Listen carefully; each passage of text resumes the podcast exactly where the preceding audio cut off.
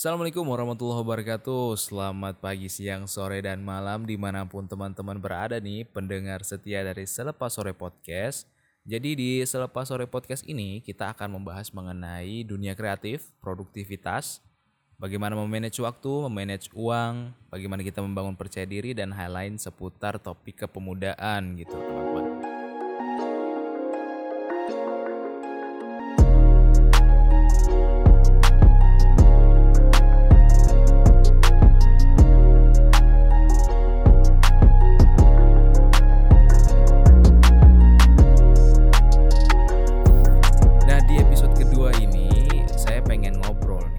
Tapi mohon maaf ya, eh, di belakang ini agak suara hujan. Jadi teman-teman kalau dengar suara hujan ini bukan backsound dari YouTube ya.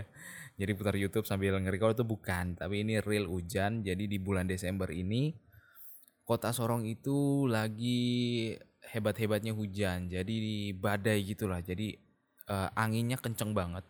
Udah dua hari ini dari hari Jumat ya. Ini saya record hari Minggu.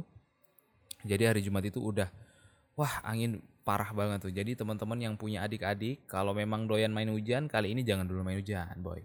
Karena takutnya nanti ada ranting yang jatuh, ranting pohon yang jatuh atau bahkan pohon yang jatuh atau seng yang melayang. Nah, itu sangat berbahaya buat eh, adik-adik kita gitu. Jadi ya santai aja di rumah nonton YouTube kayak atau masak atau tidur gitu atau mungkin ya seperti ini mendengar podcast selepas sore gitu kan.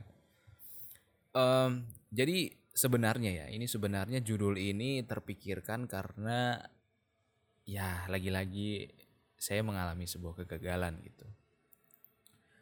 Jadi mungkin satu Indonesia ini mengalami kegagalan ya. Jadi ya, saya gagal untuk tes CPNS gitu ya.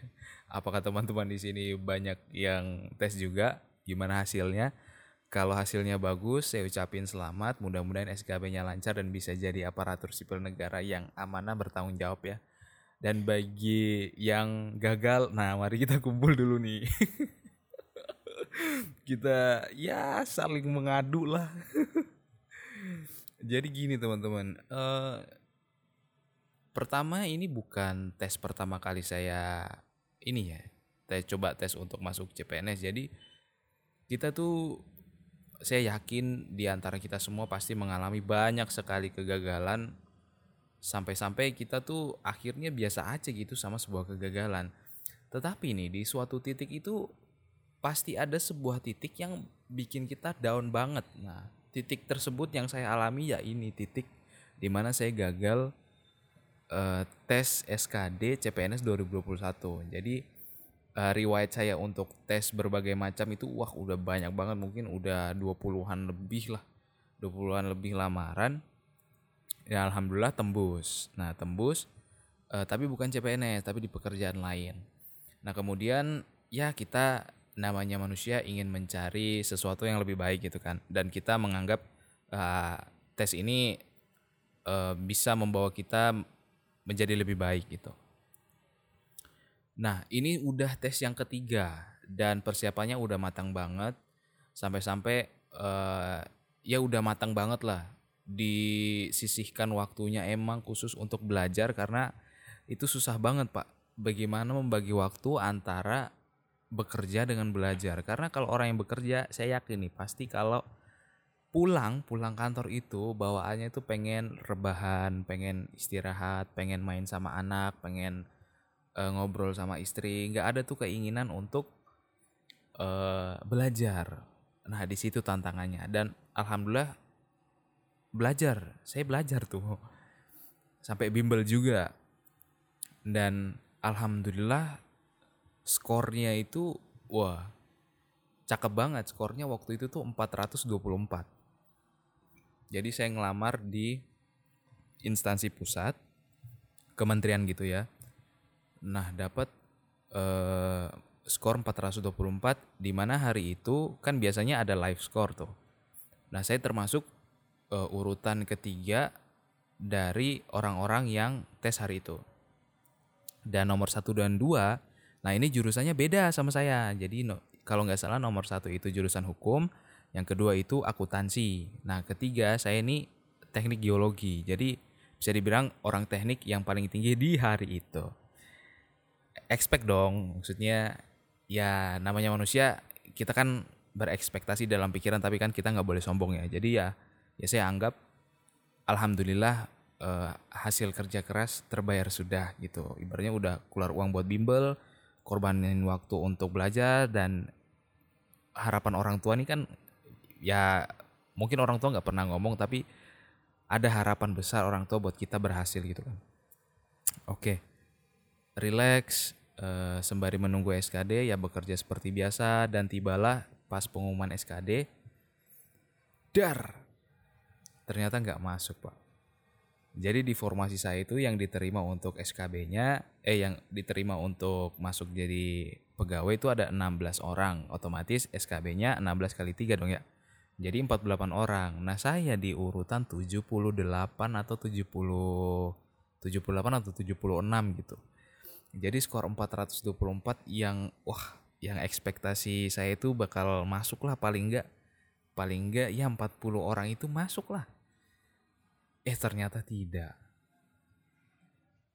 Karena orang-orang di kantor udah ibaratnya juga ah itu kamu pasti masuk tuh skormu tinggi banget tuh 424 karena zaman zaman saya dulu wah kalau dapat 300 sekian itu aja udah wah alhamdulillah saya aja dulu masuk 300 sekian sekian kamu 424 ya mudah-mudahan mas eh, kamu bisa lulus dengan ekspektasi yang begitu besar eh, hasil keluar ya tidak lolos dan yang lolos itu eh, skor minimalnya kalau saya nggak salah itu 449. Bayangin 449 teknik. Pokoknya itu sainganku teknik geologi, geografi, ya pokoknya banyak saingan lah. Kurang lebih ada 4 jurusan. Di situ tiba-tiba down gitu ya. Karena ekspektasi itu sudah besar banget gitu. Kepercayaan diri gue tuh sudah wah udah udah ya Allah itu sebuah apa ya sebuah pukulan bisa dibilang sebuah pukulan sebuah teguran karena ibarat orang berperang strategi yang saya susun itu emang Bismillah udah Bismillah udah pasti waktu itu ya Bismillah insya Allah masuk nih tinggal bimbel try out banyak-banyak udah bisa di tracking skornya itu kan. Nah di bimbel itu tracking skor itu selalu 400 tuh. Selalu 400. Dan tes pun alhamdulillah sesuai ekspektasi 424. Saya tahu di luar sana mungkin teman-teman banyak yang banyak yang bimbel dan skornya lebih tinggi dan menganggap 424 itu memang skor yang biasa aja. Tetapi kalau kalau ber, berkaca dengan progresku yang dulu, dulu itu tes pertama saya dapat uh, satu poin kurang dari passing grade. Jadi itu 300 sekian. Kemudian tes kedua, tes kedua itu lolos passing grade semuanya. Jadi tapi dia tidak menyentuh angka 400. Jadi sekitar 300 370 apa ya 370 380 waktu itu saya tes di pemerintahan Kabupaten Ambon atau Kota Ambon deh Kota Ambon kayaknya Nah, dengan progres yang sebegitu baik gitu ya. Jadi ekspektasi ini tuh terbangun dengan sendirinya gitu. Meskipun meskipun kita nggak berekspektasi jadi tapi kita melihat progres kita hari demi hari tes demi tes itu membaik otomatis ya kita makin pede dan eh, kodarullah nggak masuk pak. Wah di situ saya down banget. Kemudian eh, di depan istri ya nggak ya biasa aja gitu. Tapi sejujurnya sedih banget sih sedih banget oh, terpukul banget. Dan yang lebih terpukulnya lagi orang kantor itu yang tadi mendukung udah tahu nah mereka malah bertanya gitu. Sedangkan mereka itu sendiri sudah tahu karena saya mengapply eh, lamaran ini atau masuk tes ini tuh di lembaga yang sama gitu mereka udah tahu ngapain gitu. Itu kadang ya Allah ini memang kekejaman dunia yang yang saya sadari ya seperti ini. Kita udah terpuruk. Terus kalimat orang-orang terdekat kita ini juga memperburuk keadaan gitu. Jadi wajar kalau orang-orang yang gagal terus e, dicerca dengan kalimat-kalimat yang memperburuk keadaan itu orang itu akan menjadi tobat untuk mencoba lagi. Orang itu akan akan semakin pesimistik gitu. Kita itu yang orang yang gagal ya. Misalnya waktu itu aku gagal. Saya gagal eh, hari itu gagal. Das.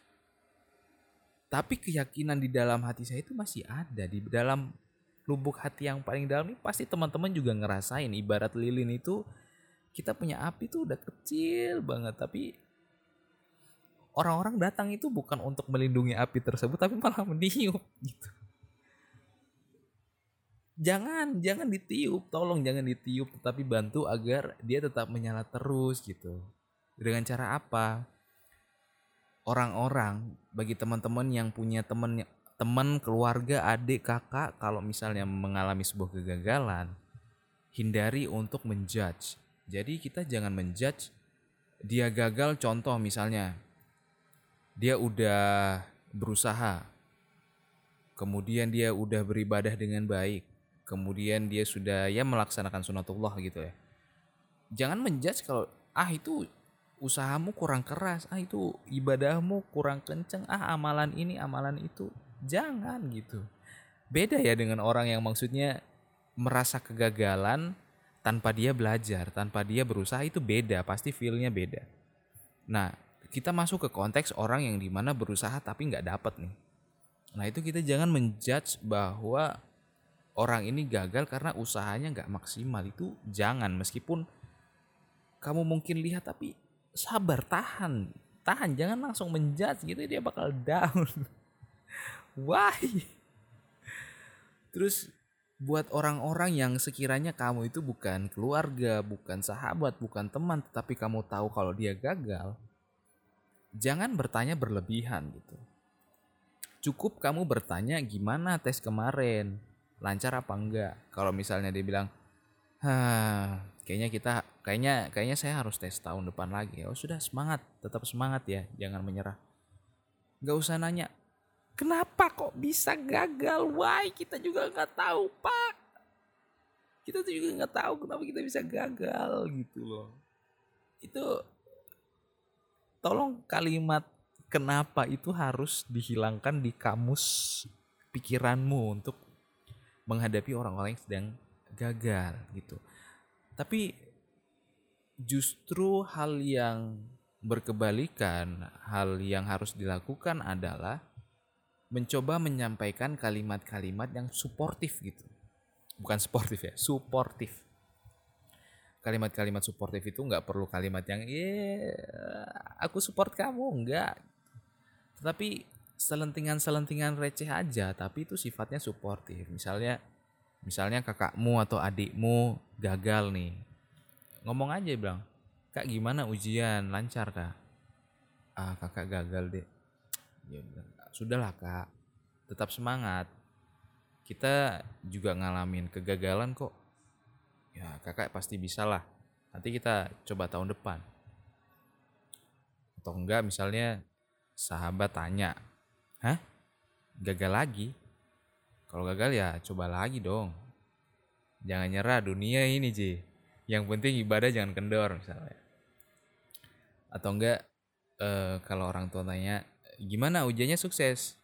Coh, gagal ya pak. Ya tetap kuat ya nak, jangan nyerah. Coba lagi sampai panitianya bosen misalnya. Itu bercanda tetapi suportif gitu sifatnya. Itu sebenarnya yang kita butuhkan saat kita merasa gagal karena orang yang gagal itu sebenarnya yang pertama dia nggak tahu kalau dia itu gagal dia hanya bisa menyalahkan dirinya kalau saya kurang ini saya kurang itu. Dan kamu nggak usah cukup dirinya dia aja yang menyalahkan dirinya sendiri. Kamu nggak usah nambah gitu. Itu akan menjadi beban itu akan menjadi overthinking uh, dirinya. kalau dia sedih tiba-tiba dia diam dia murung ya sudah biarkan aja. Coba menghibur dengan hal-hal lain. Misalnya ngajak makan atau ngajak ke tempat hiburan atau ngajak ngobrol sharing-sharing. Nah itu justru lebih bagus untuk menghadapi orang-orang yang gagal gitu. Dan sebagai orang Islam saya cukup terhibur. Jadi ada sebuah kata-kata dari Ustadz uh, siapa nih namanya? Aduh saya lupa namanya. Bentar tak cari dulu. Ustadz Wah Adi Hidayat. Nah, Ustadz Adi Hidayat. Jadi, ah kalau saya down itu pasti saya nyari tuh. Maksudnya hiburan-hiburannya kayak gitu. Pokoknya uh, buka YouTube langsung nyari uh, gimana cara menghadapi uh, kegagalan. Nah, uh, saya akan coba baca kalimat ini yang wah saya rasa nyah banget gitu di hati gitu ya. Uh, sebagai orang muslim saya oh menjadi percaya diri lagi, menjadi semangat lagi untuk mencoba gitu. Jadi uh, beliau membacakan sebuah hadis qudsi yang difirmankan oleh Allah Subhanahu wa taala. Jadi di dalam kitab-kitab itu kan nggak cuma peringatan aja tetapi hiburan juga buat orang-orang yang beriman uh, Allah kasih melalui Nabi Muhammad yang diwahyukan dalam Al-Qur'an yang kemudian ya membuat hati-hati umat Islam itu menjadi senang, menjadi bahagia dan tidak sedih. Nah, kurang lebih isinya begini. Niatkan dengan benar, jangan pernah simpulkan sesuatu untuk ke depan karena kita belum tahu masa depan. Dalam hadis qudsi Allah Subhanahu wa taala berkata, "Wahai hambaku, aku Allah menciptakan engkau untuk beribadah dan jangan banyak main nih." Dan aku telah bagi rizkimu dan itu pasti aku akan berikan. Nggak usah terlalu capek mencari rizki, tinggal engkau beraktivitas, bergerak, bekerja, maka akan aku berikan sepanjang engkau yakin. Bila engkau niatkan kepentingan aktivitasmu untuk beribadah kepadaku, aku akan mudahkan urusan rezekimu sehingga engkau merasa lapang dalam beribadah dan cukup untuk mendapatkan rezeki itu. Itu menjadi kalimat yang wow uh, stress relief banget kalau anak jaksel bilang healing healing gitu ya. jadi kita mencoba sesuatu yang lebih baik itu kan berarti saat sekarang ini kita merasa kita belum cukup uh, harta kita itu kita khawatirkan tidak akan cukup untuk mungkin keluarga, untuk orang tua, untuk adik-adik kita gitu kan. Nah Allah bilang di situ, aku akan mempermudah rizkimu kalau kamu beribadah kepadaku kata Allah. Aku akan mudahkan urusan rizkimu sehingga kamu nggak usah khawatir lagi ibadah gitu. Jadi kamu ibadah fokus, nggak usah pikir rizki karena rizki itu pasti aku kasih. Yang penting kamu beraktivitas, kamu bekerja, pasti aku kasih, pasti akan aku cukupkan. Jadi cukup ini artinya setiap kita ingin sesuatu ya ingin ngasih ke orang tua ada, ingin kasih ke istri ada, untuk beramal ada. Nah, kalimat tersebut tuh selalu terngiang-ngiang gitu. Karena ibaratnya Allah tuh ngomong kayak gini, hambaku kamu nggak usah sedih. Rizkimu tuh akan, akan aku berikan kepadamu, tetap berusaha dan beribadah kepadaku. Sabar, sabar sedikit lagi. Kebutuhanmu pasti akan aku penuhi.